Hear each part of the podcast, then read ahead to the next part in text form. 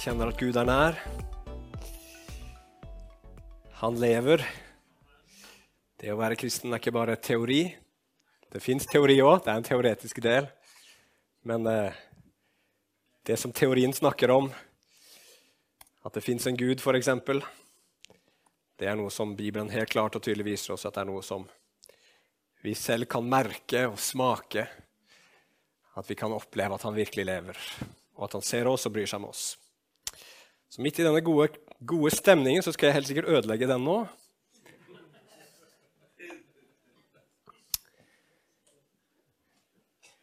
Ved å snakke om noe som, eh, som eh, jeg har tenkt på lenge. Og siden vi ikke har noen så spesiell serie akkurat nå, så, så har jeg lyst til å, å, dele noen tanker om klimakrisen. Og jeg har lyst til å gi et litt annerledes perspektiv på akkurat den problematikken. Så dette her kommer til å bli spennende og interessant. Så får vi se hvordan dette går. Dere får være litt eh, tålmodige med meg i dag. Det blir litt lite Jesus til å begynne med, men jeg lover at det blir Jesus mot slutten. Eh, og det her er jo aktuelt også akkurat nå på slutten av sommeren, fordi at det er ikke lenge siden, eller det pågår vel fortsatt ennå, flom på Østlandet. Eh, det har vært skogbrann i, i, i, sommer. Det har vært eh, hetebølger og mange andre ting. Og det blir medieoppslag på medieoppslag, og vi får hele veien høre at dette skyldes det vi kaller for klimaendringer. Og det får mye oppmerksomhet akkurat nå, fordi for det første mange mennesker er bekymra for det, og for det andre fordi at dette her står høyt oppe på eh, prioriteringslista hos de fleste land og hos FN også. Eh, og det har jo ført til mye aktivisme. Det har vært en del ekstrem aktivisme. Idrettsarrangementer har blitt eh, avbrutt av klimaaktivister. malerier har blitt nedsølt med tomatsuppe eller hva det er for noe. og det er mye som har blitt gjort. Det har vært noe som het Klimabrølet. Jeg vet ikke om det fortsatt pågår. Eh, men så kan jeg lese nå eh, i, på NRK blant annet, at mange har mista litt motivasjonen. Det virker liksom ikke som det fungerer. Og pessimismen råder.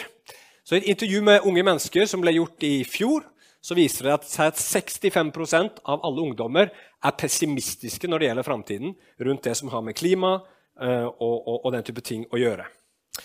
Eh, og så er man jo bekymra for andre ting akkurat nå. Det er krig i Ukraina. Eh, det er inflasjon eh, og økonomiske utfordringer for mange. Og dermed så har dette her mista litt fokus i, eh, i, nyhetsbildet og i menneskers tanker. Men allikevel så kommer det her til å prege samfunnet vårt framover. FN har satt det på lista over sine uh, bærekraftsmål. Uh, det kommer til å prege økonomi, det kommer til å prege mediebildet, utdannelsen og samfunnet vårt i mange, mange år framover. Så Derfor tenker jeg det er bra å, å, snakke om det og tenke også hvordan vi kristne skal forholde oss til det. Noen kristne har engasjert seg i saken, andre kristne engasjerer seg minimalt. Og de som er minst opptatt av det her, og som engasjerer seg minst, ifølge statistikken, det er Hvilke kristne, tror dere? Pinsevenner. I fjor så gjorde Dagen en undersøkelse som du kan finne på nett og der kommer, er det pinsevennene altså, som, som, er mest kritiske til hele tanken om, om, klimaendringer, og er de som er minst engasjerte. Og Det gjør jo at det blir en del kritikk. Spesielt fordi folk i dag er jo glad i å kritisere konservative kristne. Det er jo det letteste du kan gjøre, og det du får mest likes for. Eh, og, også, og, vi har blitt kritisert spesielt for at vi eh, eh tror på en form for virkelighetsflukt. Eh, jeg leste i Dagen en kristen klimaforkjemper som med litt sarkasme da, siterer sin karismatiske venn, som sier om liksom dette her med klima og alt mulig sånn Slapp av! Det går til Helgoland. Jeg har da redigert litt der. Det går til Helgoland uansett. Men vi skal jo til himmelen. Er det sånn vi tenker? Og I dag skal jeg si litt om den problematikken og skal jeg prøve så godt jeg klarer på den lille tiden jeg har nå, å gi bibelsk veiledning i det spørsmålet her. Jeg håper at det skal være balansert, jeg håper det skal være helhetlig. Og som jeg ofte gjør, så har jeg liksom tre hovedpunkter. For det første så skal vi se på hva klimakrisen er for noe. Hva er det snakk om? Hva er problemet? Og så skal vi se på hva årsaken til den er, ut fra et bibelsk perspektiv. Og så skal vi se på forskjellige løsninger som verden tilbyr, og så hva Bibelen sier er løsningen. Er dere med på det i dag?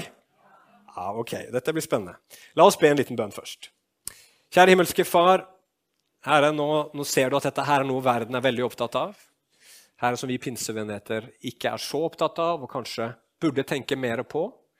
Herre, må du hjelpe oss i dag Herre, til å forstå dine tanker. Ikke menneskers tanker, ikke min visdom, Herre, men jeg ber om at det må bli din visdom, sånn at vi kan gjøre din vilje, Gud, for det er det vi vil. Ingenting annet enn din vilje. Så hjelp oss til å forstå hva den er i vår tid, og være frimodige på både tro på den og gjøre den. I Jesu navn. Amen. Ok, så nå blir det litt sånn der, eh, teori, da. Så henger dere med, håper jeg. Hva er klimakrisen? Klimakrisen det handler jo da om klimaendringer. Klima det er vær over tid. Vi har forskjellig klima på Østlandet og Vestlandet. Det er mindre regn på Østlandet enn på Vestlandet. Derfor har vi et fuktigere klima på Vestlandet. Eh, så det kan hende at en dag så regner det i Grimstad, og så er det opphold på Jæren. Men som på det jevne så regner det oftere på Jæren enn det gjør i Grimstad. Og det, det er klima. Klima er vær over tid. Og så sier man nå da at dette klimaet som er i hele verden, endrer seg. Og det gjør det fordi man mener at fra ca. slutten på 1800-tallet så har temperaturen på jordkloden økt med ca. 1,1 grad. Og da sier det seg sjøl at når temperaturen øker, så vil klimaet endre seg også. Tørre områder blir enda tørrere. Eh, kalde områder blir litt varmere. Og det tenker man da risikerer at det blir negative konsekvenser både for mennesker og for dyr. For, for dyr kan det bety at leveområdene deres blir ulevelige. Altså de, de, kan ikke lenger holde til eh, i de områdene hvor de skal være, og så bryter økosystemet sammen. For oss mennesker kan det også bety at noen mennesker ikke lenger kan bo. På visse steder Det blir for tørt, det blir ikke livsgrunnlag, da må de flytte. Eh, smelting av isen på Polen og Grønland kan føre til at havet stiger, sånn at eh, bosteder langs kysten blir oversvømt. Folk må flykte. Eh, og I tillegg så snakker man om mer ekstremvær, og det er det vi snakker mye om nå for tiden. Orkaner, flom, eh, brann, eh, tørke og ødeleggelser som kan både føre til at materielle ting blir ødelagt, mennesker blir skada og i verste fall dør. Og så er det da spørsmålet hvor kommer disse klimaendringene fra? Vi skjønner at det, at det, det har, at det har alvorlige konsekvenser, men hva er årsaken til det? Og Det som man setter fokuset på i dag, det er at klimaendringene i all hovedsak blir da forårsaka av det man kaller for klimagasser. Og Størst blant klimagassene er CO2.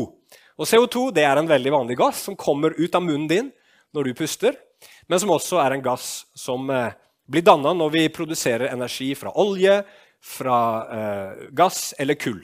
Så når vi kjører bil, eller når du fyrer, eller når vi produserer eh, strøm med kullkraftverk, så kommer disse klimagassene ut i atmosfæren. Og så havner de da oppe i, i, i atmosfæren og isolerer jorda bedre, tenker man da. Akkurat som hvis du i ditt hus gjør veggene tjukkere isolerer bedre, så blir det varmere i huset. ikke sant? På samme måte tenker man da at mer klimagasser i atmosfæren det vil da føre til at temperaturen på jorda øker. Det blir klimaendringer, og, og med de katastrofale følgene som det har. Så Det betyr da at vi mennesker for å hindre disse klimaendringene er nødt til å forsøke å redusere mengden med klimagasser som vi slipper ut. Ok, Så det er det de aller fleste vitenskapsmenn forteller oss. Det er det som mediene sier også. Eh, men så finnes det da noen skeptikere som da kalles for klimaskeptikere, eller de kaller seg kanskje for klimarealister, eh, som enten, ja, eller som da er skeptiske til det her. Og I Norge så er det 39% av befolkningen som enten er skeptiske til klimaendringer eller ikke vet helt hva de skal tro. Og det er faktisk eh, på topp i Europa. har jeg skjønt. Så ikke bare pinsevennene, men nordmenn da er jo litt i minoritet, tydeligvis. Eh, og Da stiller man spørsmål egentlig ved to ting. Det ene man stiller spørsmål ved, er er det virkelig sånn at temperaturen på jorda faktisk øker. Så er det ene spørsmålet Noen sier nei, vi er ikke sikre på det. De mener at det ikke stemmer. Mens andre godtar ok, temperaturen øker, men de er skeptiske til at det er vi mennesker som bidrar til det. Men det kan være andre ting, sånn som sola sin aktivitet eller andre typer ting, som gjør at uh, temperaturene øker. Eh, og uh, som sagt, uh, dette er klimaskeptikere, klimarealister kaller de seg. Og blant oss pinsevenner så fins det uh, veldig, veldig mange av de. Hva mener jeg om det her, da? Det lurer dere kanskje på. Jeg skal straks si litt om det. Men jeg har bare lyst til å komme med et par tanker først. Hvorfor jeg tror vi pinsevenner kanskje er litt skeptiske til akkurat dette her. For det første så har vi pinsevenner tror jeg, en litt skeptisk holdning til vitenskap generelt. Fordi at, Eller ikke generelt, men på visse punkter. Fordi at F.eks. Dette med evolusjonsteorien der er vi litt sånn vi, vi, er, vi, er, skeptiske. Mens det er noe som vitenskapen sier er opplest og vedtatt. Vi er også skeptiske til mediene, spesielt tror jeg fordi at vi eh, har fulgt veldig med i pinsebevegelsen på det som skjer i Israel, og opplevd at mediene har vært uærlige med tanke på den situasjonen der nede. Og så er det sånn også at Vi pinsevenner vi tror jo på det veldig ofte at Bibelen sier at en dag i framtiden skal det komme en verdenshersker, en antikrist, et, et dyrets rike, som blir et slags sånn diktatur over hele verden. og Derfor så er vi skeptiske til alt som lukter av globalisme, overformynderi, diktatur og den type ting. Da, da får vi piggene ute. ikke sant? Og jeg tenker Dette her er legitime bekymringer. Altså, Vitenskapen har tatt feil før. Eh, den er mest presis når det gjelder nåtiden. Den har litt større problemer med å si hva som skjedde for lenge siden, og hva som kommer til å skje i framtiden. Det som skjer nå, det kan etterprøves. Framtiden og fortiden er det vanskeligere med. Eh, og så vet vi også at i vitenskapelige miljøer så kan det bli en type sånn der tunnelsyn, rettroenhet. Det skjer i alle sammenhenger, også der.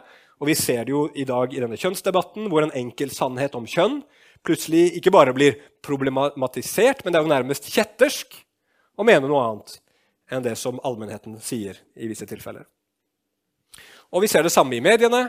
Og mediene er veldig ofte prega av journalister som ble journalister fordi de ville drive aktivisme. Altså De ville påvirke verden i en viss retning. Så det gjør at vi kan jo ikke ta alt vi hører for god fisk. Kan vi det? Er du sånn som bare liksom Ja, alt er god fisk. Eh, for eksempel det der med Nei, jeg skal ikke si det. jeg skal ikke si Det Det blir, det blir bare tull. Jeg bare legger det til side nå. Eh, dere kan spørre meg om det etterpå. Da sier jeg det off the record, som det sier, Peter. Men Samtidig så kan vi jo ikke avfeie alt vitenskapsmenn sier allikevel, bare fordi det ikke passer med våre tanker og verdier og det vi føler stemmer med virkeligheten. De aller fleste de er intelligente, de er sannhetssøkende mennesker som vi skal ha en ydmyk og lyttende holdning til. Vi kristne trenger aldri være redde for sannheten, for all sannhet er Guds sannhet. Enig i det? Så jeg har da i denne uka her med begrensa tid forsøkt å gjøre meg opp en mening om global oppvarming er en realitet, og om det er menneskeskapt. Og min konklusjon er at dette her er så komplisert og avansert at de aller fleste av oss ikke har forutsetninger for å faktisk etterprøve disse greiene her. Eh, og, og, og, Har du veldig, veldig masse tid og skal prøve å sette deg inn i det, så er det ikke sikkert du forstår det helt allikevel. Det er ikke alle som har evner til såpass krevende vitenskap. Så Dermed så ender det opp med et spørsmål om hvem vil du tro på. Tror du på altså det majoriteten av vitenskapsskapen sier, eller tror du på uh, klimaskeptikerne? Du må på en måte egentlig når alt kommer til alt, bare ta et valg om hvem du vil tro på. For, for Bibelen svarer ikke direkte på det spørsmålet her. Men det Bibelen sier, som jeg synes er veldig interessant, er det at en dag i fremtiden så kommer jorda til å bli ramma av mange katastrofer. Og de katastrofene rammer oss pga. vår synd. Så det fins helt klart en sammenheng der. Men akkurat dette spørsmålet isolert sett med klima kan ikke Bibelen si verken ja eller nei på. Men min påstand og vi skal snakke om det spørsmålet her, er følgende. Om klimaendringer er sant eller ikke, så har det ikke så veldig mye å si for hvordan vi kristne bør se på verden, hvordan, hva vi tenker er problemet i verden, og hvordan vi bør handle. For at klimakrise eller ikke klimakrise, jeg tror vi alle sammen kan være enige om at det er et faktum at vi har en økologisk krise i verden i dag. Det er veldig bekymringsverdig at man registrerer enorm insektdød over hele jorda. At dyrearter dør ut. Eh, at det er tonnevis på tonnevis av plastavfall i, i havet, på, på, bunnen er det mikroplast i tonnevis som, som rammer livet i havet. Eh, og det er også bekymringsverdig, mener jeg, at det er stadig færre områder på jorda som er uberørt av menneskelige inngrep. Giftige stoffer havner ut i hav og i vann og i luft. Og den vakre, gode naturen som Gud har skapt, og som gir han ære, den holder på å bli ødelagt. Vi ødelegger den. Og vi som kristne kan jo ikke være likegyldige til at flotte, vakre, skjønne økosystemer som Gud har skapt, en balansert og, og finurlig og eh, vidunderlig natur, lider og blir ødelagt pga. oss mennesker. Vi har både et ansvar som kristne å ta vare på det skaperverket som Gud har gitt oss, og vi er jo avhengige av at det fungerer for å selv kunne overleve. Vi står ikke utenfor skapelsen, vi er en del av den. Så jeg tenker det at som kristne så betyr det ikke så fryktelig mye om du engasjerer deg med tanke på den økologiske krisen eller rundt dette med klima. Fordi at det som er bra for det man kaller klima, er ofte veldig bra for det som har med natur og naturmangfold og eh, velvære til planeten vår å gjøre, og omvendt. Så Derfor vil det, det, å jobbe mot det ene også være å jobbe mot det andre. Så det er min tanke om det. Så jeg klarte liksom, følte jeg å navigere det ganske bra. Gjør jeg ikke det? Ingen ble sure på meg. Eller alle ble sure på meg. et eller annet. Men så er spørsmålet ok, vi ser dette problemet. Men så er spørsmålet hvordan gjør vi dette som kristne? Skal vi liksom bare se på det her og si ja, ok, da får vi bare høre på politikeren, eller bare får vi høre på disse? Eller skal vi som kristne tenke litt annerledes om denne problematikken enn alle andre? Og la, la oss først da se ut ifra Bibelen hva er det som er årsaken til denne krisen. Hvorfor er vi der vi er i dag? Og Nå skal vi gå til Bibelen. Og Der står det i 1. Johannes brev 2, vers 15-17.: Elsk ikke verden, heller ikke det som er i verden. Den som elsker verden, har ikke kjærligheten til far i seg. For alt som er i verden, kroppens begjær, øynenes begjær og skrytet av alt en eier, det er ikke av far, men av verden. For verden går til grunne med alt sitt begjær. Men den som gjør Guds vilje, består til evig tid. Ut ifra Bibelen så er det jo sånn at verden har de problemene den har i dag pga. synden. Da verden ble skapt, så var den god, harmonisk, den fungerte sånn som den skal, skulle. Men så kom synden inn, og da ble det ubalanse, da ble det problemer. Ting begynte å falle fra hverandre. Selv naturen, sier Bibelen. Og den spesifikke synden som er bak den krisen vi opplever i dag, tenker jeg, det er det ordet som beskrives som begjær trangen til stadig å ha mer og aldri bli fornøyd. Det er kjernen til problemet. Der kommer dagens krise ifra. Men så er det jo sånn da, det problemet har jo vært der siden tidenes morgen. Men det er liksom bare de siste 100 årene at det har begynt for alvor å gå utover planeten vår. Hvorfor det? Jo, det er fordi at noen ting har skjedd. Det har skjedd noe i tanken vår, det har skjedd noe i mulighetene våre, det har skjedd noe i det spillerommet vi mennesker har fått, som har gjort at vi er der i dag. Og da er Det det begynner med begjæret, men så har de siste par hundre årene brakt inn en del ting. Liberalismen. Jeg skal ikke si så veldig mye om det, men det er en filosofisk retning som eh, har gitt oss mye av det moderne samfunnet vi har i dag. Altså Det som har med demokrati å gjøre, maktfordeling, at ikke liksom én person på toppen av all makt, Markedsøkonomi, individuelle retninger Alt det der kommer ut av noe som heter liberalismen, som hadde mange eh, talsmenn på 1600- og 1700-tallet, og som bl.a. førte til den franske revolusjonen, den amerikanske revolusjonen osv. Men en viktig ting i liberalismen var at man endra også syn på hva, hvordan man skulle forholde seg til naturen. Fram til i dag så tenkte man at det viktige var hele veien å spille på lag med naturen. Akseptere naturens begrensninger men med liberalismen så kom det en tanke om at nei, vi kan herske over naturen. Vi kan tvinge naturen til å gjøre det vi vil den skal gjøre, for at vi skal kunne tjene på den. Så i dag så stiller man veldig sjelden spørsmål bør vi gjøre dette. Er dette bra for naturen? Nei, Vi, spør spørsmål. Kan vi, eller vi tenker, kan vi gjøre dette, så må vi gjøre det før noen andre gjør det. Så at vi kan tjene penger på det og bli rike. Sånn tenker vi veldig ofte i dag. Derfor så driver vi intensivt landbruk. Vi produserer milliarder av plastflasker som alle vet havner i søpla til slutt. Fordi at man gjør det fordi man tenker at man kan tjene på det. Med andre ord så har vi blitt enige om at det er greit å utnytte naturen hvis vi kan da dra personlig fordel av det, og det blir det trøbbel av. Så der begynner det. Man begynner å tenke nytt om naturen. Og så skjer det noe mer.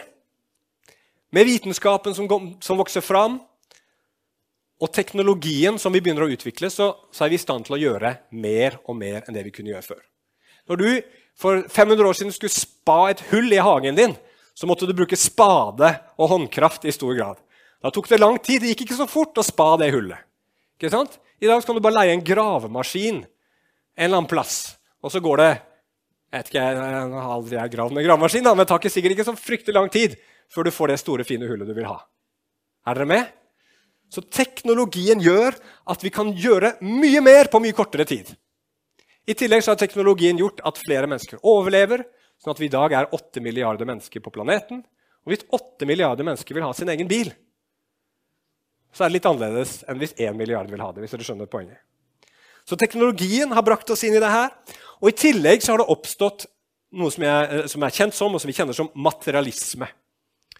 Materialisme det kan bety mange ting, men nå tenker jeg på uh, sånn økonomisk materialisme. Altså at vi mennesker vi finner svar på hvem vi er, vi søker vår verdi, og vi søker vår glede i ting. For det fins visse bilmerker man kjøper. Det fins visse mobiltelefonmerker man kjøper.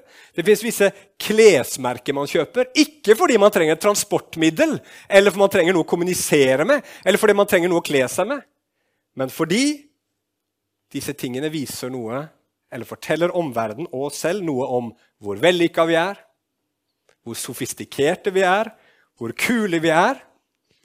Og Forskere har lenge visst at vi mennesker er sånn at ting det er noe vi knytter oss veldig til, og som på mange måter knyttes opp til vår følelse av verdi. At vi er noe fordi vi har visse ting.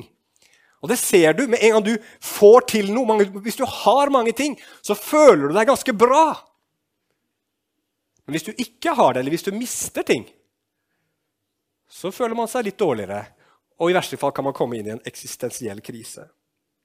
Og Sånn har det nok alltid vært. Vi mennesker har vært opptatt av det. Du kan jo finne graver fra langt tilbake hvor man begravde folk med tingene sine. For man tenkte man skulle få de med seg, ikke sant? for dette var en viktig del av de, og så videre. Men i dag har det blitt verre fordi i vårt samfunn så har vi ikke lenger så mye religion som skal fortelle oss hvem vi er. Og vi er individualister, derfor skal ikke fellesskapet heller fortelle oss hvem vi er. Vi skal finne ut hvem vi er sjøl. Vi må sjøl finne ut hva det er som gir oss verdi. Og vi mennesker trenger verdi. Vi trenger å vite hvem vi er. Og I gamle dager så var det sånn at du visste at du var en nordmann. Du var baker, far din var en baker, du var far, og du var en kristen. Og så lenge du fylte de rollene godt, så var du ok. Du visste hvem du var, og du visste hvordan du var et godt menneske. Men i dag kan ingen av de tingene der lenger gi veldig mange mennesker noe særlig følelse av identitet, følelse av verdi. Du må finne det sjøl, og da venner vi oss veldig ofte til ting. Der skal vi finne disse tingene. Og da blir det jo sånn at vi stadig vekk må ha ting. Det er ikke bare sånn at vi har behov for ting, men vi begynner å begjære dem. Jeg må ha disse tingene for at jeg skal kunne føle at jeg også er noen. At jeg er et verdifullt menneske, at jeg er et vellykka menneske. At jeg, at jeg er en som har fått livet mitt til. Og når mange mennesker blir materialister, så får vi jo aldri nok av ting. ikke sant? Da må vi stadig vekk ha mer, ha mer, ha mer. Og da blir forbruk til overforbruk. Og så er vi der hvor vi er i dag, og verden rundt oss lider. Og så har vi da i tillegg da klart å sette alt det her i system. Det er den verden vi lever i i dag. Alle konkurrerer med alle om stadig å produsere nye ting. Ja, finne på nye ting som de kan produsere. Ja, til og med skape nye behov hos mennesker som de ikke visste de hadde. Og i tillegg lage masse reklame, sånn at folk skal virkelig kjenne at de har et helt unødvendig behov, og bruke penger på det. Altså Det er det samfunnet vi har skapt, det er det vi har lagd. Det er det vi er en del av. Og Vi har også gjort oss avhengig av en internasjonal handel som gjør at vi i Norge vi klarer oss ikke på egen hånd med den maten vi produserer. Vi importerer den langt borte fra halvparten av den for at vi skal kunne overleve her. Og Sånn er det med nesten alt i verden i dag. Det produseres en helt annen plass enn der det brukes. Og siden eh, siden vi mennesker er i den situasjonen nå, og siden vi er så avhengig av den materialismen, for det er det mennesker lever for i stor grad, så blir det veldig vanskelig å stoppe den utviklinga. Hvis vi sier at ok, nå skal vi kutte ut alt det her, vi skal kutte ned på handel, vi skal kutte ned på produksjon, så kommer det til å bli politisk ustabilitet. Fordi at folk som endelig trodde nå er det min tur til å få litt del av de økonomiske godene, så kommer noen og sier nei, nå er det slutt på festen. Beklager. Ja, Men dere har jo hatt det kjempegøy kjempelenge. Nå var det vår tur. Nei, nå er det slutt. Hvordan tror du folk kommer til å reagere på det på verdensbasis? Hvordan tror du eh, de fattigere landene i verden kommer til å reagere? Når vi har løfta våre nasjoner opp på et høyt materielt nivå gjennom fossilt brennstoff, og så sier vi til dem nei, dere får ikke lov. Tror du det kommer til å gå bra? Jeg tror ikke det. Og jeg tror heller ikke innad i land at det kommer til å gå så veldig bra. Vi ser det bare nå med inflasjonen hvor, og, og, og, og, økende fattigdom, hvor ustabilt et land blir med en gang. Så er det også sånn at det blir militær ustabilitet. Hvis vi i Vesten sier ok, nå skal vi gå over til bare fornybare energikilder, så kommer vi til å bli svekka økonomisk eh, og politisk og militært. Og hvilken andre land i verden tror du da kommer til å utnytte den situasjonen ved hjelp av fossile brennstoff? Jo, antageligvis land som vi helst ikke vil skal ha for mye makt i verden. Som er totalitære regimer, og som, eh, som, som på tross av våre mangler allikevel vil jeg påstå er verre enn oss. Så jeg mener at vi har bygd et Babelstårn i denne verden her. Og det Babelstårnet holder på å ødelegge verden. Og samtidig så er det et ustabilt korthus som har gjort verden mer utrygg. Og hva i all verden er da løsningen? Hva er løsningen på denne krisen her? Og I, i samfunnet i dag så blir vi tilbudt tre løsninger. Løsning nummer én det er 'vi må'. Det kalles for moral. Og Det har vi hørt i mange år. Hvordan vi må resirkulere, vi må forbruke mindre, vi må sykle mer, vi må reise kollektivt, leve enklere osv. Alle sammen vet hva vi prater om. Og bevisst eller ubevisst i det der så kommer det inn et visst element av sosial kontroll. Hvor vi snakker ned de som ikke etterlever idealene, og så løfter vi opp de som framstår som gode moralske eksempler når det gjelder dette med klima. Er dette en bra løsning? Fra et kristent ståsted så får man si at moral og sosial kontroll er bra til, en, til en viss grad. Altså, det er fint for eksempel, at i Norge er sånn at korrupsjon i stor grad er noe som folk ikke eh, har toleranse for. Mens i veldig mange andre land i verden så er det stor toleranse for korrupsjon. Alle gjør det jo, ikke sant? Men det er bra at det er litt, sånn, det er litt sosial frykt i Norge for å, for å underslå og, og, og, utnytte situasjonen sin. Det gjør at Norge er et bedre land å leve i enn Russland, f.eks. Uh, og hvis det å leve enkelt blir sett på som noe positivt i Norge, mens det å sløse blir sett på som noe negativt, så tror jeg ikke det nødvendigvis er dårlig for oss. Problemet, som vi kristne vet veldig godt, det er at når moral blir for sentralt, så tipper det over det vi kaller for loviskhet. Og loviskhet det gjelder ikke bare kristne, det gjelder absolutt alle mennesker. Og det gjør mennesker til farisere. Og du kan få klimafariseere også. Fariseere er sånne som føler at de etterlever moralloven bedre enn andre. Og da har de all rett til å rette pekefingeren sin, latterliggjøre og se ned på, baktale de som ikke er så gode som de. Sånn blir det bare. Sånn har vi kristne gjort med kristenmoral. Det ble ikke så bra. Norge lider av det fortsatt. Og det kommer ikke til å gi noen gode frukter her heller. I tillegg så blir det hykleri av det. Fariseerne var hyklere, og i dag så ser vi masse klimahykleri. Vi må jo bare være ærlige og si det. Altså Hvis du velger å beholde din gamle dieselbil i fem år til, så blir du sett ned på. Hvis du kjøper en flunka ny elektrisk bil, som eh, ble laga delvis gjennom barnearbeid, gjennom ødeleggende gruvedrift, og hvor det ble brukt masse CO2 for å produsere den bilen, så er det en klimahelt. Selv om kanskje samla sett så, ut, så, var det den som valgte å beholde diesel, dieselbilen sin var fornøyd med den, som endte opp med å, å, å spy ut minst CO2. Eller som en kronikk sa det for et par år tilbake. jeg tror det var i VG, jeg husker ikke. Den er altså kjapt enkelt redigert. Han sier noe sånt som det her. Det går til Helgoland, og det er pga. mine venner som stemmer De grønne og lever som de stemte Frp. Ingenting, jeg har ingenting imot Frp. Det var bare et sitat fra, fra, den personen. Jeg har ikke noe for eller mot akkurat politiske partier, sånn teoretisk i hvert fall. Så, men bare for å legge det til side. Eh, når alt, og når alt kommer til alt, for å gå tilbake til temaet her Nå klarte jeg nesten å spore meg av her. det skal jeg ikke gjøre. Når alt kommer til alt, så blir folk lei av moralpoliti, folk blir lei av hykleri. Og loven, sier Bibelen, har en tendens til å provosere oss til å gjøre det motsatte av det loven sier. Hvis du hører 'nei, det får du ikke lov til å gjøre', så er det et eller annet inni deg som får enda mer lyst til å gjøre det.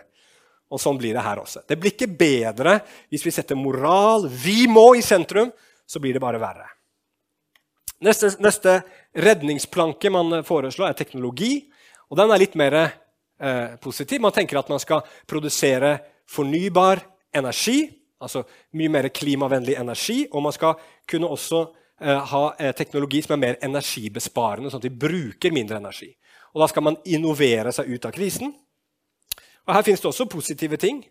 Klart det at eh, kan vi finne renere kilder til energi og måter å spare på, sånn, så alt det der er bra. Problemet er bare at dette her gjør ingenting med forbrukerkulturen.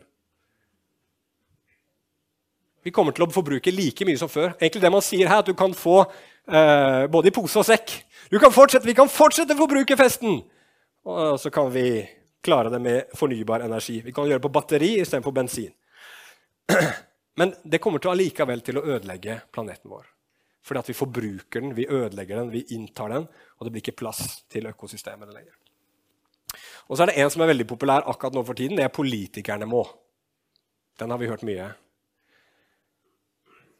Og Da tenker man at politikerne må innføre lover som hindrer utslipp, som legger bånd på olje- og gassindustrien, og at den må pushe og subsidiere grønn teknologi osv. Og, og igjen, det fins noe positivt ved det her. Altså, Vi er veldig glad for at blybensin for eksempel, har blitt forbudt. Kan ikke si noe på det.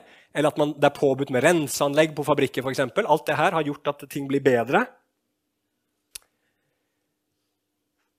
Men det som bekymrer meg, det er at når vi ser at moral ikke fungerer.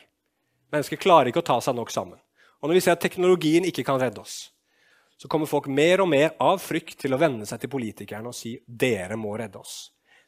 Og, og så kommer man av frykt til å gi dem mer og mer og mer makt. Og er det bra? For vi kan nemlig løse denne klimakrisen. Det så vi jo under covid. Altså Med makt så stengte man bare ned samfunnet. Og CO2-utslippene gikk jo ned. Altså Hvis man bare bruker nok makt, så kan vi begrense. Men er det bra? Er det bra? Vel, Samfunnet forteller jo oss at hvis mennesker får for mye makt, hvis noen mennesker får for mye makt, så går det ikke bra. Da vender hele verden seg mot Gud. Det er jo det historien om tårnet om Babel sier. Menneskeheten forener seg mot Gud, og så blir verden enda mer full av ondskap. Og Det er jo det vi ser konturene av i Johannes' åpenbaring at noen mennesker på toppen får så mye makt at det fører til ugudelighet, bedrag, undertrykkelse og til slutt katastrofe. Så da står vi overfor et dilemma. Når vi har frihet, så ødelegger vi verden. Og hvis vi innfører diktatur, så ødelegger vi verden. Så hva i all verden er Guds løsning? Finnes det noe alternativ til diktatur eller ubunden frihet? Og nå kommer jeg til det siste. Dere har holdt ut, dere har vært flinke. Gi dere sjøl en liten klapp på skulderen. Og så skal vi lese hva Bibelen sier om løsninga på det problemet her. Galaterbrevet 5, 16-24 sier Jeg sier dere, lev et liv i ånden. Da følger dere ikke begjæret i menneskets kjøtt og blod. Og vers 24.: De som hører Kristus til, har korsfestet kjøttet med dets lidenskaper og begjær. Det siste av de ti bud sier 'du skal ikke begjære'. Og Guds, Guds bud er gode. Og Gud har satt det budet. Du skal ikke begjære nettopp fordi han visste at det hadde, hvis mennesker lever i begjær, så fører det til katastrofe. Alle former for begjær ødelegger og bryter ned. Men det er klart at det budet hjelper jo ikke. Da ender vi jo bare opp med moral igjen, ikke sant? som ikke kan forandre oss. Men det budet fra Gud hjelper oss på den måten at det viser oss noe med oss selv. Paulus han hørte budet 'Du skal ikke begjære'. Og Han var egentlig ganske flink Han var flink til å holde Guds bud og lover og regler. Så han var en flinkis.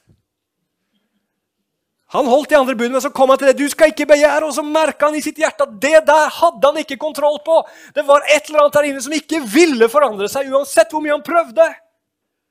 Og så ble han ydmyk, og så viste Gud han og Jesus han hva han faktisk trengte.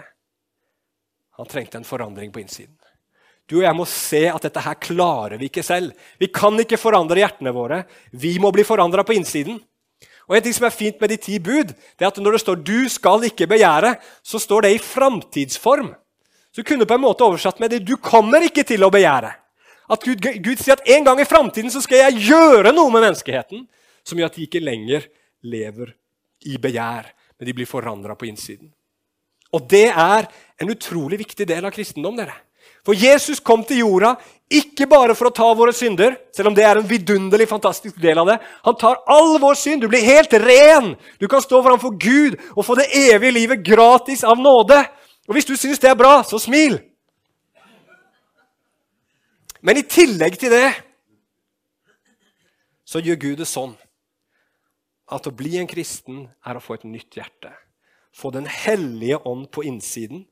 Du får en ny trygghet, du får en ny glede, du får et nytt mål med livet ditt, og du får helt nye begjær. Og vet du hva? Hvis materialismen skal overvinnes i menneskers liv, så må vi gi dem noe annet som kan fylle det som materialismen så langt fyller. Noe som kan gi dem en følelse av å være verdifulle. Noe som kan gi dem en følelse av å være trygge. Vi samler på ting, for da føler vi oss trygge. Vi har masse penger og masse ting. Da har vi det vi trenger for å kunne være trygge. Vi, vi, vi, trenger noe annet enn ting som skal fortelle oss hva vi er. Og vi trenger vårt håp i noe annet enn at i framtiden skal jeg få tjene enda mer penger og få enda mer ting. Og hva i all verden kan fylle det? Jo, evangeliet fyller det ved å gi oss det menneskehjertet dypest sett lengter etter. For det begjæret vi har, er en lengsel etter Gud. Det er det som ligger i bunnen. Og Det er derfor vi aldri blir fornøyde heller. For du kan fylle opp med all slags mulige ting, men så lenge Gud er det du begjærer, så lenge dette behovet er uendelig, så kan du aldri bli full på innsiden. Men Gud, han er uendelig, og han kan fylle ditt hjerte. Han kan gi deg en følelse av verdi, at du er elska mer enn noe annet. Eh, han elsker deg personlig eh, med en uendelig kjærlighet. Han kan gi en trygghet. At han er din far, og han skal ta vare på deg. Han skal beskytte deg. Han kan fortelle deg hvem du er. Du er Guds elskede barn. Og han kan gi deg håp for framtiden. Ikke i ting, men i Han, om en ny himmel og en ny jord. Og Da er det sånn at en sann kristen trenger egentlig ikke så mange ting. Paulus sier at gudsfrykt med nøysomhet er en stor vinning. Og Jesus sier, 'Samle dere ikke skatter på jorda', men samle dere skatter i himmelen. En kristen kan klare seg med fryktelig lite og være fryktelig glad. Det er mulig, dere, når vi har vår skatt i Jesus og det som ligger foran oss, og gleder oss i Gud. Og så, så er det jo sånn at Ikke alle vi kristne er sånn. Og Det er fordi at vi lever ikke i ånden der hvor vi skulle. Og Vi kjemper med kjøtt, og vi får ikke dette her til. Men vi kan strekke oss etter det. All forskning viser at materialisme gjør mennesker ulykkelige. Hvorfor holder vi på med det da? Vi har jo merka det sjøl òg. Vi blir jo ikke spesielt lykkelige av det. Men det å holde oss nær til Gud, det å leve sammen med Han, det å leve tett på Han, der er livet, dere. Der fins det glede. Og der kan vi bli fri fra materialismens grep. Så Hvis det skal finnes noe håp for denne verden, her, så tenker jeg det eneste håpet for denne verden altså, er at milliarder av mennesker får møte Jesus. Finner en som kan fylle eh, hjertene deres og bli satt fri fra det umettelige begjæret og finne sann og evig rikdom i Han. Hvis den vekkelsen blir så stor at veldig mange mennesker blir med på det, da fins det noe håp. Da kan det bli forandring. Da, da, da, da, er det ikke så farlig om vi taper noe, om, om, om vi må eh, nedskalere. Da kan vi vende oss til Gud i fellesskap og si, 'Gud, hjelp oss med denne krisen. Vis oss vei. Gi oss visdom. Gi oss løsninger.' Så vet jeg at det fins en vei. Men hvis mennesker prøver å frelse seg selv gjennom moral, gjennom teknologi, gjennom myndighetene, så sier Bibelen at da kommer det til å gå galt. Mennesket kan ikke frelse seg selv. Det vil bli mislykka, og det vil bli katastrofe. Så Derfor tenker jeg til slutt at vi kristne bør tenke sånn som det her. La oss støtte alle gode tiltak, engasjere oss der vi kan, i alt som kan bidra til at Guds skaperverk blir bevart. Men hovedfokuset vårt må være på det Jesus har befalt oss å gjøre. Forkynne evangeliet og være disipler og gjøre disipler av Jesus Kristus. For det er for det første vårt mest kraftfulle bidrag til å løse den økologiske krisen.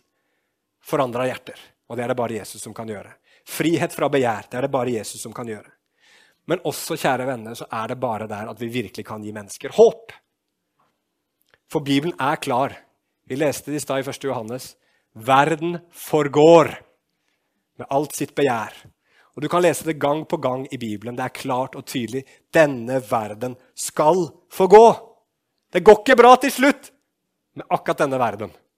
Men det går bra til slutt allikevel, fordi Gud skal skape en ny himmel og en ny jord. Og når Han gjør det, så skal skaperverket settes fri. Alt som har blitt ødelagt, skal bli helbreda og gjenoppretta og godt igjen. Og så skal alle de som har satt sin lit til Jesus Kristus, få leve evig på den nye himmel og jord som Gud skal skape. Det er gode nyheter, det. Da er det håp for denne verden.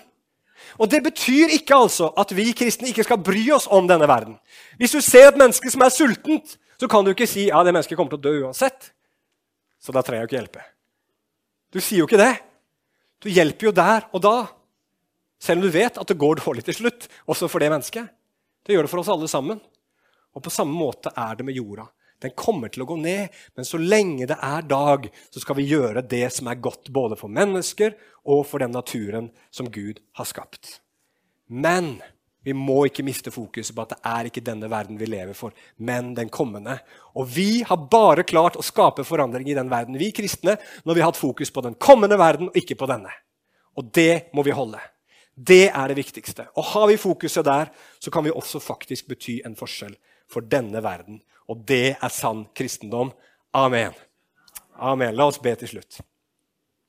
Kjære himmelske Far, Herre vår Gud.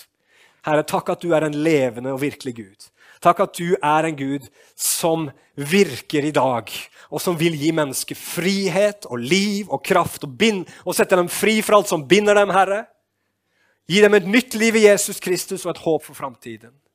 Halleluja. Og det er der fokuset vårt skal være, Gud. Og hjelp oss, Jesus, som er her til å ikke leve for denne verden, men for å leve, ved å leve for den som kommer. Ikke bare ved at vi ikke er materialister, Herre, men at vi også legger på vårt hjerte at vi vil se mennesker rundt oss møte deg, Jesus. Bli frelst, ta imot tilgivelse for syndene sine og få dette håpet for framtiden som vi også har. Herre, kom, Hellige Ånd. Gjør noe i denne tiden. Hjelp oss kristne, nå som folk ser denne krisen, til å komme med Bibelens løsning og Bibelens svar, som gir håp. Som gir virkelig håp for mennesker. Som kan sette dem fri fra frykten, Herre, og gi dem det evige livet som du vil at alle mennesker skal ha. Å, Jesu navn, la det skje. La det tennes en ny brann og en ny glød i oss. Det ber vi om i Jesu navn. Amen. Amen.